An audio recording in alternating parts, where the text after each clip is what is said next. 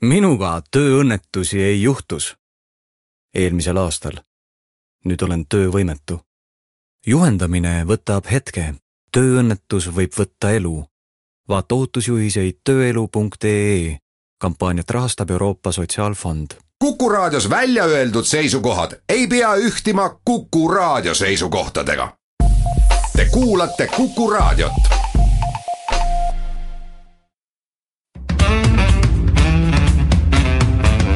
Muuli ja Riikoja. tere päevast, head kuulajad, kaheksa minutit üksteist on kell äh, noh, peaaegu värskelt saanud, Muuli Riikoja alustab, sest et on reedene päev, Kalle Muuli ja Hindrek Riikoja on stuudios. alustame tänases saates Edgar Savisaarest, Edgar Savisaar on viimaks saanud süüdistuse väga suures hulgas äh,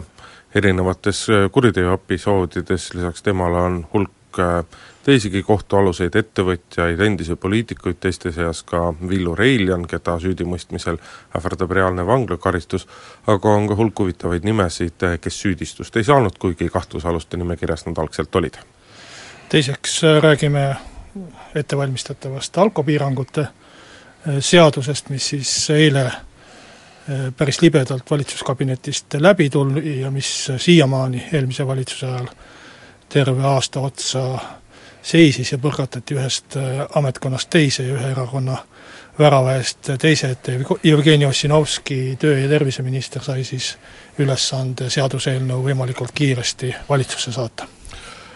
Rahandusministeeriumis on äh, väga pikalt tegeletud palehigis riigieelarve kokkukirjutamisega, nüüd viimased nädalad on muudkui möödunud äh, nii-öelda uue võimukoalitsiooni erinevate lubaduste läbiarvutamisega, aga kui vaadata sellele, mis, otsa sellele, mis toimub ministeeriumis ja tema haldusalas, siis seal on väga selgelt täheldada viimaste kuude jooksul tippametnike, juhtivametnike äravool, miks see on, selle üle arutleme. neljandaks äh, räägime äh, koalitsioonileppes ette nähtud ja Majandusministeeriumis kavandatavast äh, tasuta maakondlike bussiliinide projektist, siis kakskümmend üks miljonit eurot on aastas ette nähtud selleks, või kavandatakse selleks, et, et mitte ainult Tallinnas, vaid kogu Eestis maakondlikel liinidel siis ei, või kohalikel liinidel ei peaks siis inimesed enam piletiraha maksma, noh, mingi skandaalimaiguline asi on, on puhkemas või, või, või püütud üles kergitada sellest, et majandusminister on Kadri Simson on Keskerakonnast ja ühele kesk-, keskerakondlasele Arvo Sarapuule kuulub bussifirma, mis teenindab peaaegu pooli maakondlikke liine praegu. tavaliselt teatavad ettevõtted, asutused, erinevad institutsioonid sellest, milliseid töövõite nad, milliste töövõitudega nad on hakkama saanud, Rahvusringhääling teatas seevastu sellest, et nad ei saanud hakkama, nimelt libises nende näppude vahelt ära järgmise kahe olümpiamängu, nii tali- kui suveolümpiamängude ülekandeõigus, et äh, mul on hea meel tänases saates Rahvusringhäälingu nõukogu liikme käest küsida, et millega, mida siis üldse Rahvusringhääling edaspidi teeb, mis tema eksistentsi õigustuseks edaspidi olema saab? ma vastan saates, aga, aga kui vähegi saate lõpus veel aega jääb pärast seda vastust, äh, püüan siis rääkida, või püüame siis rääkida ka paar sõna veel äh, maaeluminister Martin Repinskist, kelle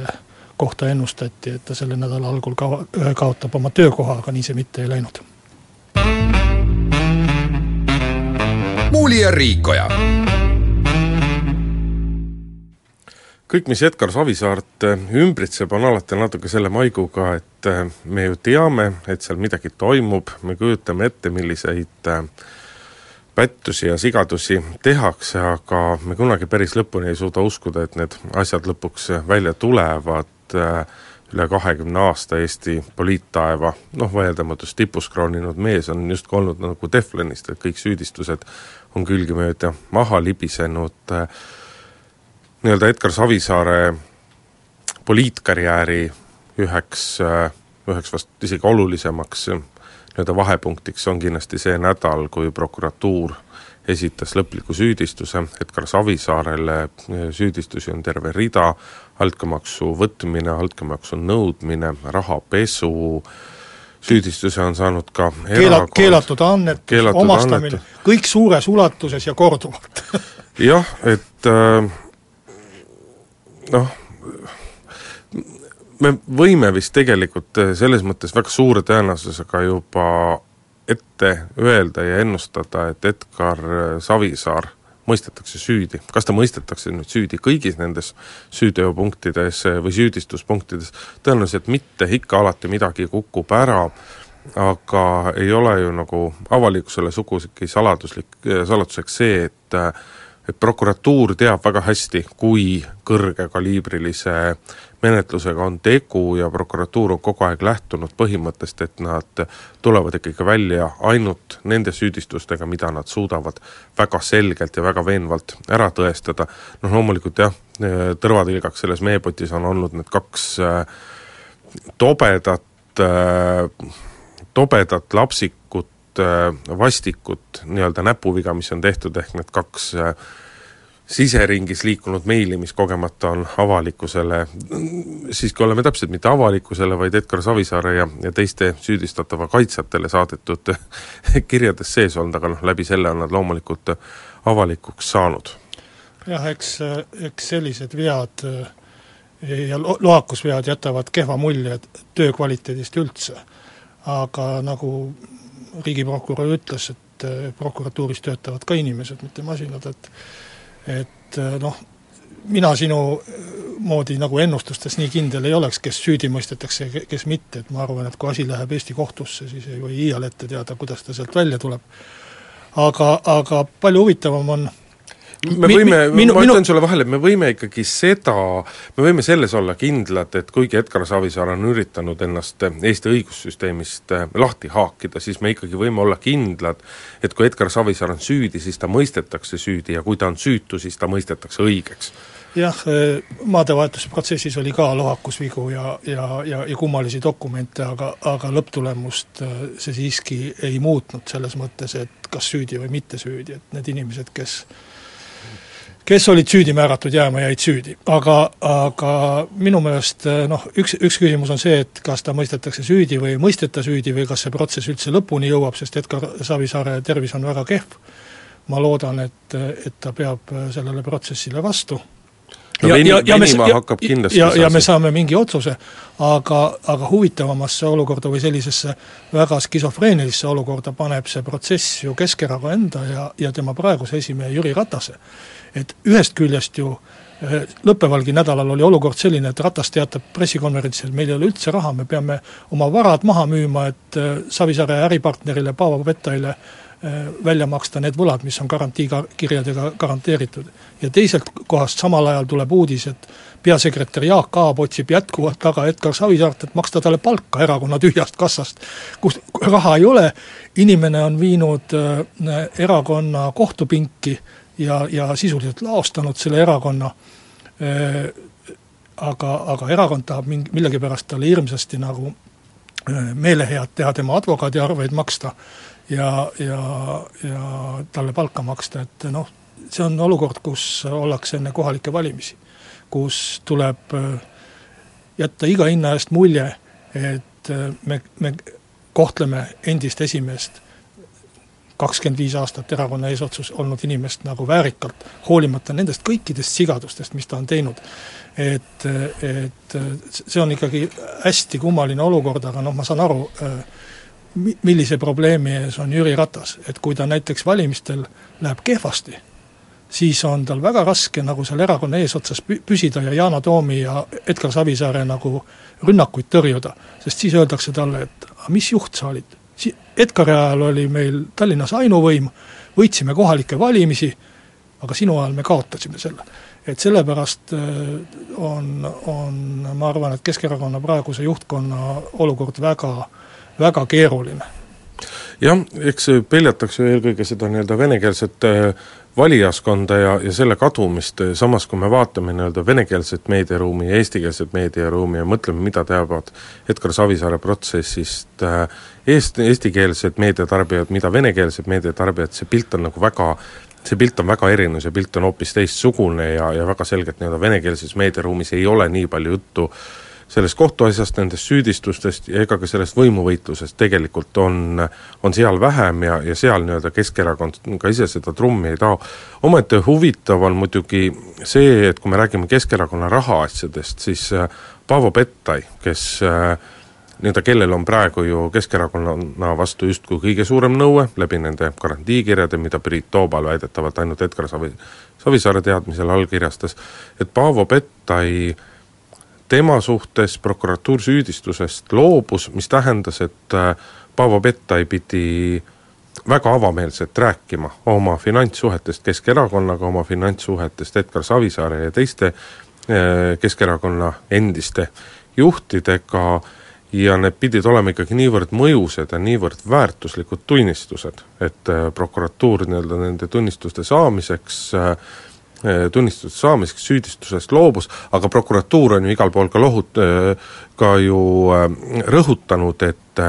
et Paavo Pettai puhul on võimalik tema suhtes nii-öelda uuesti uurimist algatada või seda menetlusega jätkata. kui ta kohtus ei räägi seda, mida vaja. just, et seda ei tehta ainult juhul, just nimelt, kui ta peab antud lubadustest kinni, lubab, mis tähendab et lubab tunnistada neid asju, mida me siin hakkame lähikuudel, lähikuudel kuulma noh, selles mõttes on muidugi äh,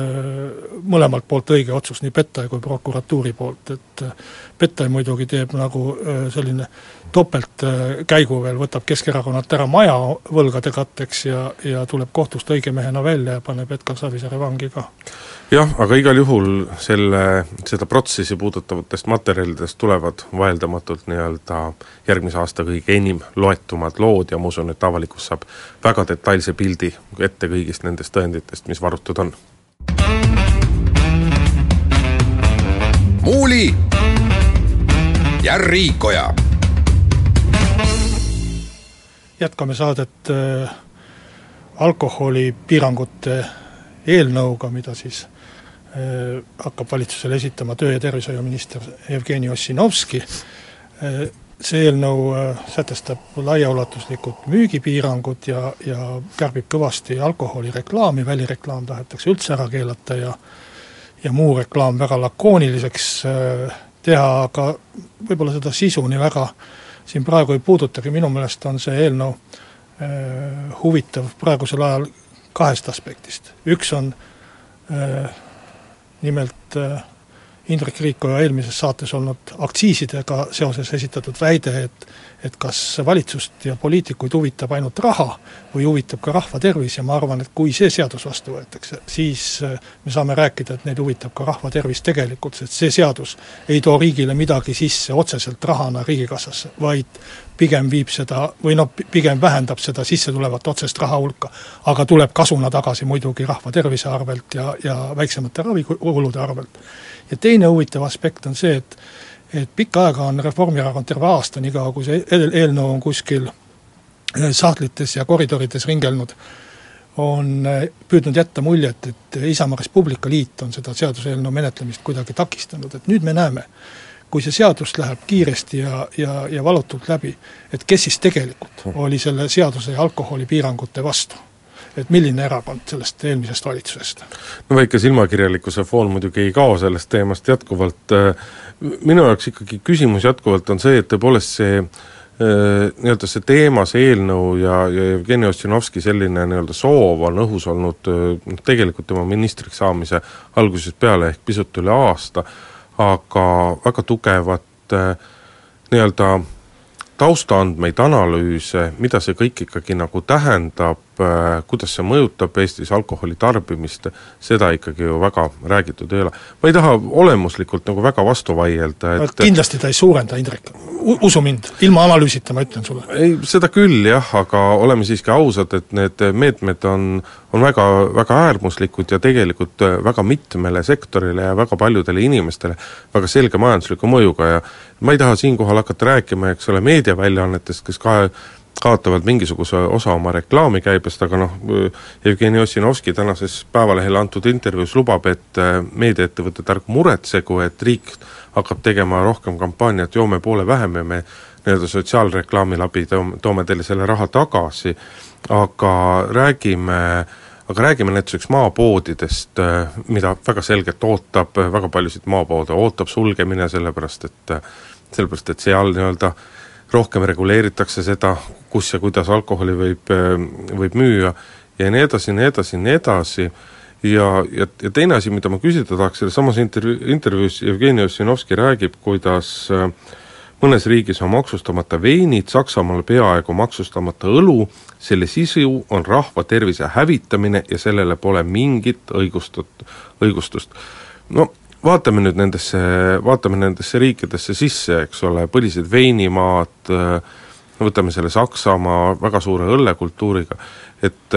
kas nüüd ikkagi, kui vaadata nende riikide alkoholi tarbimise nii-öelda üldnumbreid, et kas me nüüd saame ikkagi öelda, et see on rahva tervist hävitav? Et siin pisut on sellist, mulle vaata natukene tuleb meelde see, et noh, Jevgeni Ossinovski on tuntud selle peale, et ta liiga suures sinasõpruses alkoholiga ei ole, aga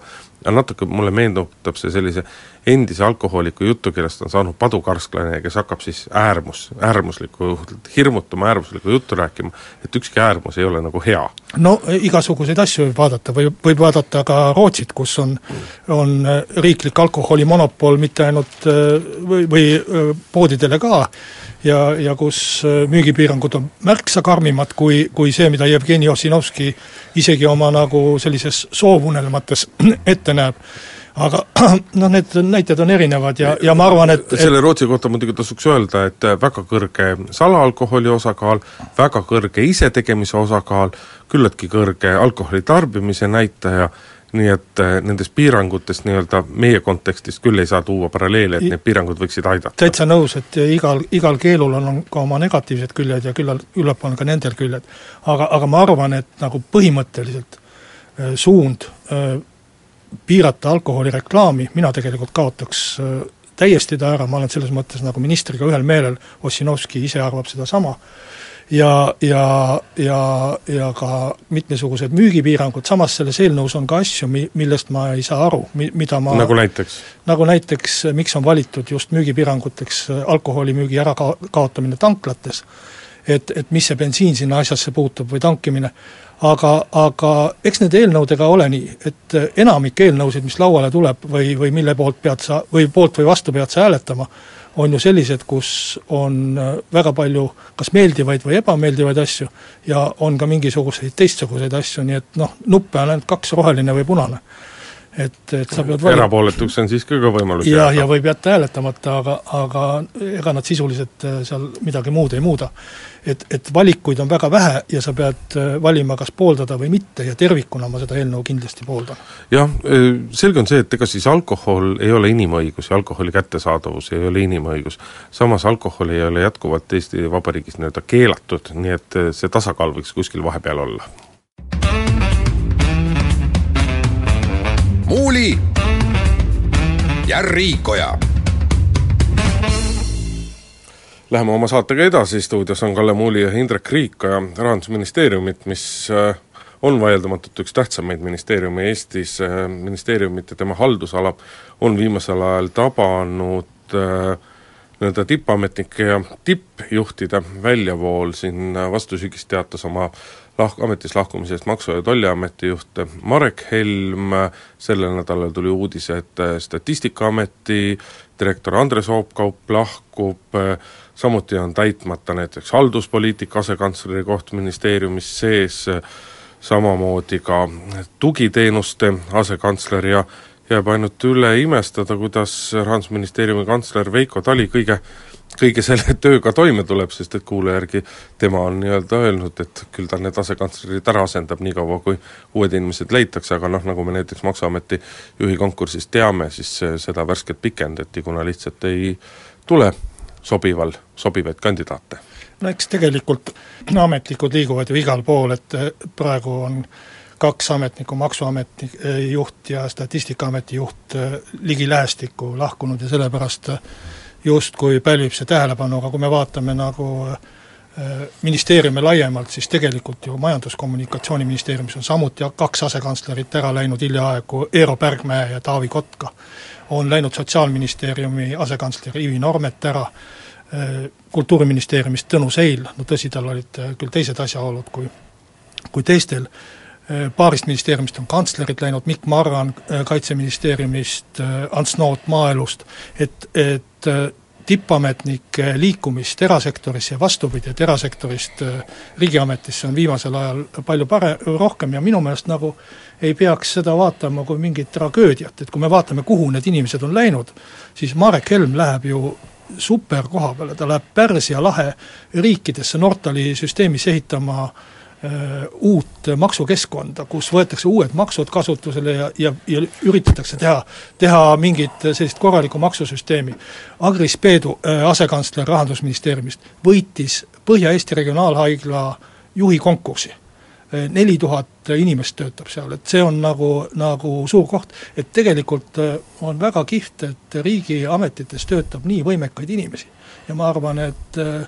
et küll tuleb asemele, et äh, ma ühest küljest ma olen sinuga nõus, aga teisest küljest sa ei tohi unustada ära seda tausta, mis meil on ees. meil on sisuliselt poole aasta pärast on Euroopa Liidu eesistumine, kus tegelikult kõiki neid, kõiki neid ametnikke oleks oleks väga, väga hädasti vaja kas, kas aga, ma võin ühe märkuse aga ütelda? praegu nagu ilmselgelt tegelikult sellest paistab välja seesama, mida, millega põhjendas oma lahkumist Marek Helm äh,, mida nii-öelda kaude on Andres Oopkop ütelnud ja see näide, et inimesed lähevad erasektorisse, tegelikult see näitab seda, et riik ei suuda oma tippjuhte kinni hoida, ta ei suuda neid motiveerida ja noh, me võime lõputult rääkida sellest, et kas ametnikud on üle makstud või mitte, väga paljud, suur osa ametnikest tegelikult, vähemasti tippametnikest, ei ole üle makstud. Ja vaata, siin võib tekkida küll ühel hetkel riik, riigil probleem, et riik peab siiski, ta on samasugune tööandja nagu eraettevõtjad ja need töötajad on samasugused töötajad nagu eraettevõttes, riik peab suutma motiveerida, riik peab suutma nende inimeste töösse süveneda ja nii edasi, seda ilmselgelt täna on vähe no Andres Soopkaupu üks äh, praegusel hetkel lahkumise põhjus oligi see, et eesistumine on tulemas, tal oleks leping lõppenud nagunii kaks tuhat seitseteist äh, sügisel ehk eesistumise ajal, ta tahtis anda uuele järeltulijale nagu võimaluse sisse elada, aga, aga ja läks eraärisse, eks ju. jah, aga see aga, järeltulija ei jõua seda teha nii või naa. aga me ei tea, kas Andres Opkap läks eraärisse, ei ole öelnud ma arvan, et tegelikult on hea, et inimesed ei istu eluaeg ühe koha peal. et viis-kuus aastat on selline ko-, aeg, mille jooksul inimene hakkab ennast ammendama, no inimesed on erinevad, mõni kauem, mõni vähem, aga, aga see on asi ja teine asi, ma arvan, mis seda liikumist siiski praegu soodustab ja mõjutab, on on, on see, et avaliku teenistuse seadust muudeti mõni aasta tagasi ja kaotati ära äh, väljateenitud aastate pensionid, väljateenitud aastate puhkused, et, et enam sa ei pea istuma selleks, et, et suuremat pensionit saada või, või, või kau-, pikemat puhkust saada iga aasta. et see kindlasti ka teeb riigiametnike ja äh, ja erasektori olukorra võrdsemaks ja tõesti, noh, palgad on korralikud riigiametis, ma ei arva, et, et kolme-nelja-viie tuhandene palk on, on väike palk, aga nad ei ole muidugi sellised palgad, mida erasektor üle maksta ei suudaks või ära, üle osta ei suudaks, kui tegemist on väga heade inimestega. et äh, samas jälle, kui tahta neid palku suurendada, ma ei tea, kas see on väga, väga õige ja hea mõte ja pealegi tuleks siis kogu Äh, riigi äh, tippjuhtidel su-, suurendada, sest väga veider oleks, kui asekantsler hakkaks saama mitu korda suuremat palka kui president näiteks noh, me võime kohati ka sarnaseid olukordi näha, et, et vot ega see ongi, see ongi juhtumi ja inimese põhine, aga nii-öelda see tänane seadusandlus ja töökorraldus tegelikult sellist nii-öelda personaalset lähenemist ei, ei võimalda. muuli ja Riikoja. aga jätkame oma saadet bussiliikluse teemadel. koalitsioonileppes on ette nähtud kakskümmend üks miljonit eh, eurot igal aastal selleks, et muuta ka maakondlikud eh, liinid eh, tasuta sõitmiseks, nii nagu Tallinnas on see tehtud. toetad seda mõtet sina, Kalle? Ütlen sulle ausalt, et ma ei tea, kas see on hea mõte ma ei ole selle mõtte vastu ja ma ei ole selle mõtte poolt, et see on üks asju, mida ma koalitsioonileppes ei, ei ole nagu suutnud äh, aru saada või seisukohta võtta. et kas see on äh, hea või halb. et kui hakkab seaduseelnõu väljatöötamine, siis tavaliselt see käib nii, et minister tuleb meile fraktsiooni koos ametnikega, siis me saame selle asja üksipulgi lahti võtta ja ma arvan, et siis ma saan ka seisukoha kujundada, kas see on hea või halb. mul on, äh, on mõned kahtlused aga ma lihtsalt mäletan, et siis, kui see Tallinna ühi-, tasuta ühistransport äh, esile kerkis, et siis olid sa ühes teises raadiosaates küll selle osas väga kriitiline. ma võin sulle ütelda, et ma Tallinna ühistranspordi osas ei ole enam väga kriitiline, ma arvan, et see on päris hästi õnnestunud, et kui ütelda üks asi, mida ma kui küsite minu käest üks asi, et mida, mida Savisaare võimuloleku ajal Tallinnas on hästi tehtud, siis ma arvan, et see on tasuta ühistransport. sa oled uues koalitsioonis isegi Keskerakonda armastama ei, ei, ei, seda Tallinna ühistransporti ma olen ikka enne seda koalitsiooni ka maininud positiivse asjana. et vähemalt see, mis on, mida ma kasutan ise, mis on Tallinnas kesklinna ja Nõmme vahel, et seal on korralik liiklus, korralikud bussid ja, ja, ja väga mugav. Et ma, ma tihtipeale sõidan bussiga, ehkki ma muidu võib-olla oleks autoga sõitnud, selle asemel, et hakata sealt kuskilt mingeid sente otsima ja bussijuhi käest piletit ostma ja nii edasi, et ma arvan, et, et see, selle, aga, aga maakondlikud liinid on hoopis teine asi et seda ei saa, Tallinnat ma arvan, sinna niiviisi üle kanda ei saa. no selle maakondliku tasuta bussiliikluse puhul muidugi kõige olulisem, kõige olulisem küsimus on, on see, et kas muutub ka, et kas ja mis moel muutub liigi või liinivõrk, muutuvad äh, bussisõidugraafikud, kas raha kokkuhoiu mõttes jäetakse nii-öelda bussiliine vähemaks, bussisõite vähemaks, sellepärast et juba täna on paljudes piirkondades see probleem, et sul võivad ju need bussid sõita, aga sa näiteks tööl ei saa nendega käia, sest et nad käivad täiesti sobimatutel aegadel. et siin on väga palju nii-öelda nagu väga palju riske on ta üleval, aga Reformierakonna kombel nii-öelda kohe seda ideed põhja lasta oleks selles mõttes rumalus, et et ega siis see päeva lõpuks ongi, see ongi valikute küsimus erinevates koalitsioonides, kes kuhu raha panustab.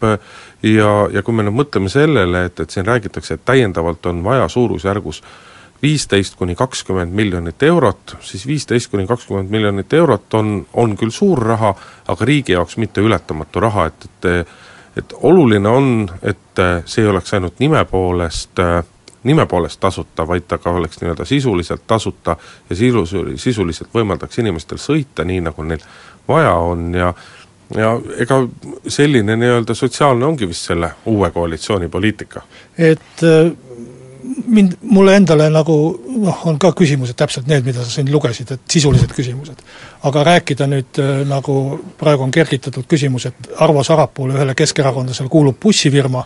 ja majandusminister on ka Keskerakonnast, et, et see kuidagi äh, segab seda projekti, et ma arvan, et see ei ole sisuline argument. on, on, sisuline si, on siis, siis võiks küsida, et kas see projekt oleks siis õigustatud, kui äh, minister oleks Isamaast või sotsidest, või kui et, et kas niikaua, kui Arvo Sarapuul on mingi bussifirma, on see projekt halb või, või mõte halb, aga, aga siis, kui Sa-, Arvo Sarapuu müüb oma bussifirma äh, ära, et siis, siis see projekt on kohe hea. et ma arvan, et see ei ole sisuline, et tegelikult see raha, juhul kui ta läheb mõistlikult, läheb ju mitte bussifirmade taskusse, äh, selles mõttes, et, et nad saavad midagi juurde, vaid see läheb tegelikult ju nendele inimestele, kes bussiga praegu sõidavad, kes maksavad selle oma piletiraha äh, bussifirmale, nemad võidavad sellest ja, ja riik maksab siis lihtsalt selle piletiraha bussifirmadele kinni, aga ma ütlen, et seal on sada sellist nüanssi, mida sa siin ka loetlesid, et kas siis ei hakka meil sõitma bussid valedesse kohtadesse tühjalt ja nii edasi, et kindlasti tuleks seal rakendada mitmesuguseid tehnilisi võtteid, et, et jälgida, et seal ikka äh, inimesed ka sõidaksid nendel liinidel. no selle Arvo Sarapuu teema juures muidugi see on, et äh, et ei ole ju saladus, et Keskerakonnas Arvo Sarapuu on kahtlemata tasuta bussiliiklust nii-öelda kogu aeg toetanud ja seda asja ajanud, et selles mõttes on siin ikkagi nii-öelda väga selge seos on siiski olemas. et äh, see on üks nendest asjadest, kus tegelikult äh, kuna see on väga tundlik küsimus ja, ja, ja see, kuidas see asi välja paistab, nagu mõjutab väga paljud, siis see on see koht, kus tegelikult üks poliitik peab, peaks otsustama, et kes ta tahab olla, et kas ta tahab olla poliitik, linnapoliitik, riigipoliitik või tahab ta ettevõtja olla ja ta võiks sellest tulenevalt, et siin on seesama küsimus, nagu me Martin, Martin Repinski puhul rääkisime, eks ole, et et küsimus ei ole isegi mitte nii väga selles, et et kuidas asjad faktiliselt on, vaid kuidas nad näivad ja, ja see on poliitikas väga oluline. sellega ma olen nõus, et eriti kui noh, kuna neid bussifirmasid valitakse küll hanke korras ja, ja me võime ka sinuga bussifirma teha, kui see hirmus kasulik on ja, ja, ja selle hankel osaleda, aga, aga kui ütleme, majandusminister on Keskerakond, bussifirma juht on Keskerakond ja kohalik võim, kes seda hanget korraldab reaalselt, on ka Keskerakond, siis tõesti see jätab paha mulje. aga mis teha, rekvireerime siis Sarapuult selle bussifirma ja ütleme, et ta ei tohi omada seda või? ei, see näitab poliitiku suurust, kui ta suudab sellisel puhul teha kompromisse. muuli ja Riikoja.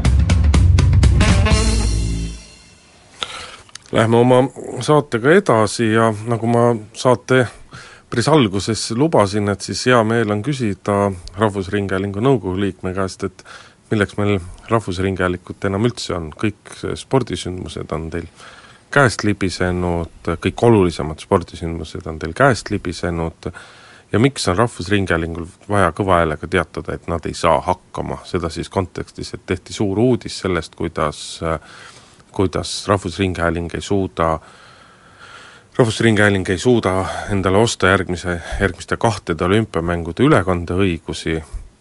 kusjuures kõik inimesed, kes sellest teavad, siis ütlevad, et see on täiesti arusaamatu, et mis summadega Rahvusringhäälingu juhid eh, opereerisid, et kas tõesti piirdutigi sellega, et saadeti kiri, öeldi, et meile see summa ei sobi, me tahaks maksta vähem ja siis jäigi asi seisma, sest et eh, kõik teised nii-öelda meedia osapooled ütlevad, et need hinnad on ikka tunduvalt väiksemad kui kaheksasada tuhat eurot kahtede olümpiamängude ülekandeõiguste eest. rahvusringhäälingu juhtkonnal ei ole siin küll eh, üldse midagi ette heita, et eh, juhtkond täitis Ringhäälingu nõukogu otsust. otsus oli mitte olümpiamänge näidata? otsus oli mitte minna üle teatud summa piire läbirääkimistel ja see summa millest läbirääkimistel juttu oli, ei olnud ligilähedaseltki sellele piirile, mis Ringhäälingu nõukogu oli seadnud. aga mis see summa oli siis? ma ei tea, kas ma tahan seda siin ütelda, et äh, ütle ikkagi. sellepärast, et läbirääkimised tegelikult ei ole veel lõppenud, nad võivad jätkuda ja ja hakata mingeid summasid avaldama protsessis, kus veel lepinguid lõplikult ei ole öö, öeldud, et ma arvan, et see kahjustaks ikkagi Rahvusringhäälingu positsioone nii või teisiti. et sellepärast ma seda ei, ei, ei tahaks äh, ütelda välja keset läbirääkimisi, mis justkui veel käivad. aga, aga tegelikult ju mu meelest on see täiesti mõistlik, et kui miski asja saab ära teha ilma maksumaksja raha kasutamata, kui olümpiamänge näidatakse Eestis kõik, kogu rahvale kättesaadavates telekanalites,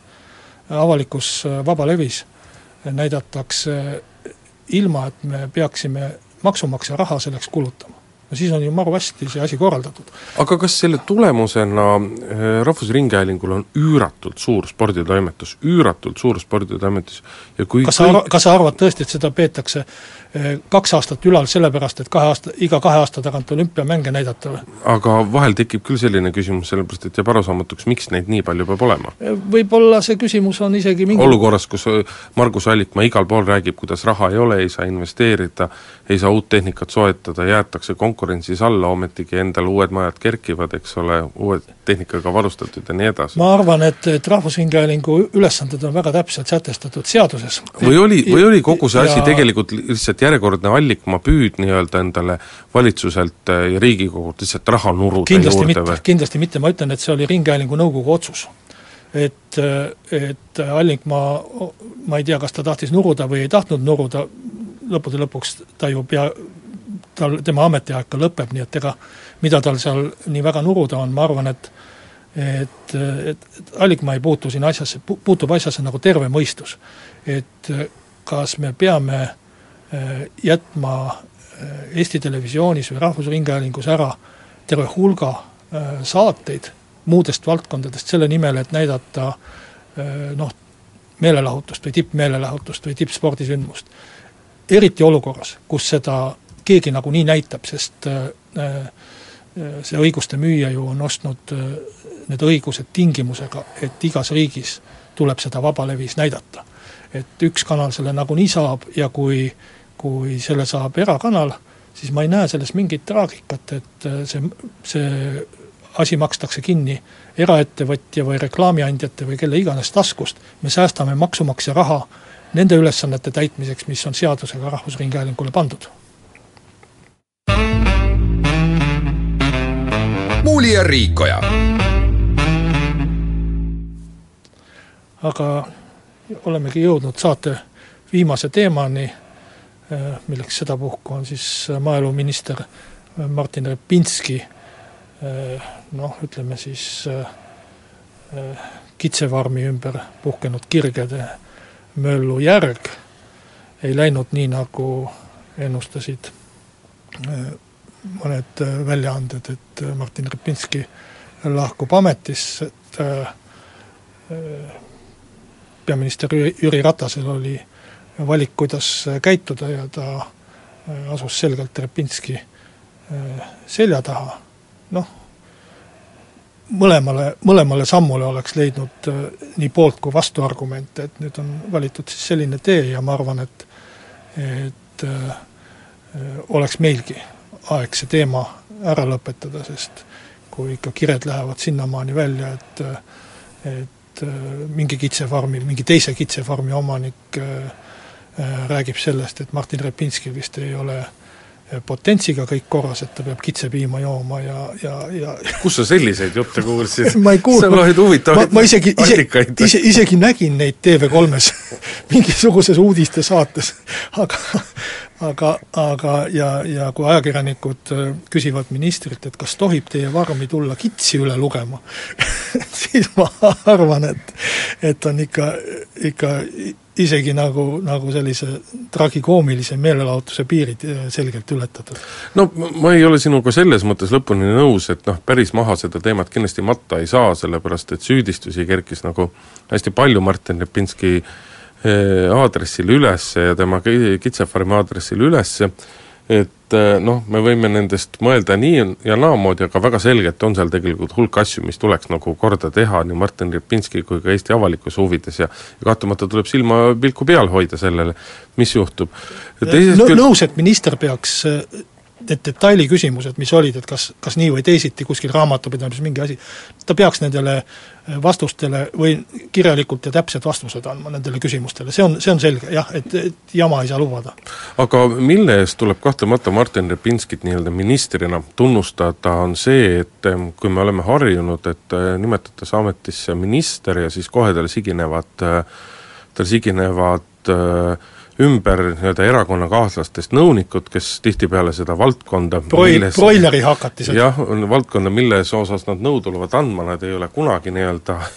näinud ega nuusutanudki, see on olnud nii Põllumajandusministeeriumis või praeguses Maaeluministeeriumis kui ka paljudes teistes äh, ministeeriumites, siis Martin Repinski on läinud küll seda teed, et tõsi, ta on endale palganud nõu, nõunikuks ühe ka nii-öelda noore, noore poliitiku Anatoli Ambrosi, aga sinna juurde on ta kutsunud oma nõunikuks Tõnis Riiski, avalikkus seda nime väga ei tea, põllumajandusringkondades samas teatakse teda päris hästi, tegemist on nii-öelda isetegev põllumehega ja nüüd selle nädala värske uudis on, et esmaspäevast alustab Repinski nõunikuna Juhan Särgava, Eesti ühe suurema ja tegelikult isegi Ida-Euroopa ühe suurema mahefarmi, Saida farmi omanik, äh, Põllumeeste Liidu endine president ehk väga kogenud inimene. Ja mõlemad mehed on selles mõttes poliitilise taustata, et Keskerakonnas nad olnud ei ole, et Juhan Särgava on küll nii-öelda omal ajal olnud Rahvaliidu liige ja ja võtnud Rahvaliidu tegemistesse aktiivselt äh, osa, aga Keskerakonnaga ta otseselt nagu seotud ei ole, ma mõtlesin kohe huvi pärast, et vaataks korra, kas ta kas ta on erakonna liige ka, ei olegi, ta jah, ta oli kuni kahe tuhande kümnenda aastani, siis ta oli Konservatiivse Rahvaerakonna ehk Rahvaliidu eelkäija liige, aga, aga enam mitte sedagi, et selles mõttes väga tugevad spetsialistid on võtnud ja see on kahtlemata tunnustamist vääriv samm. no loodame, et äh, saab siis äh, põllumajanduse kallale ka sisuliselt äh, maaelu. maaelu kallale sisuliselt asuda, sellega meie tänane saade on lõppenud, kuulmisel järgmine, järgmisel reedel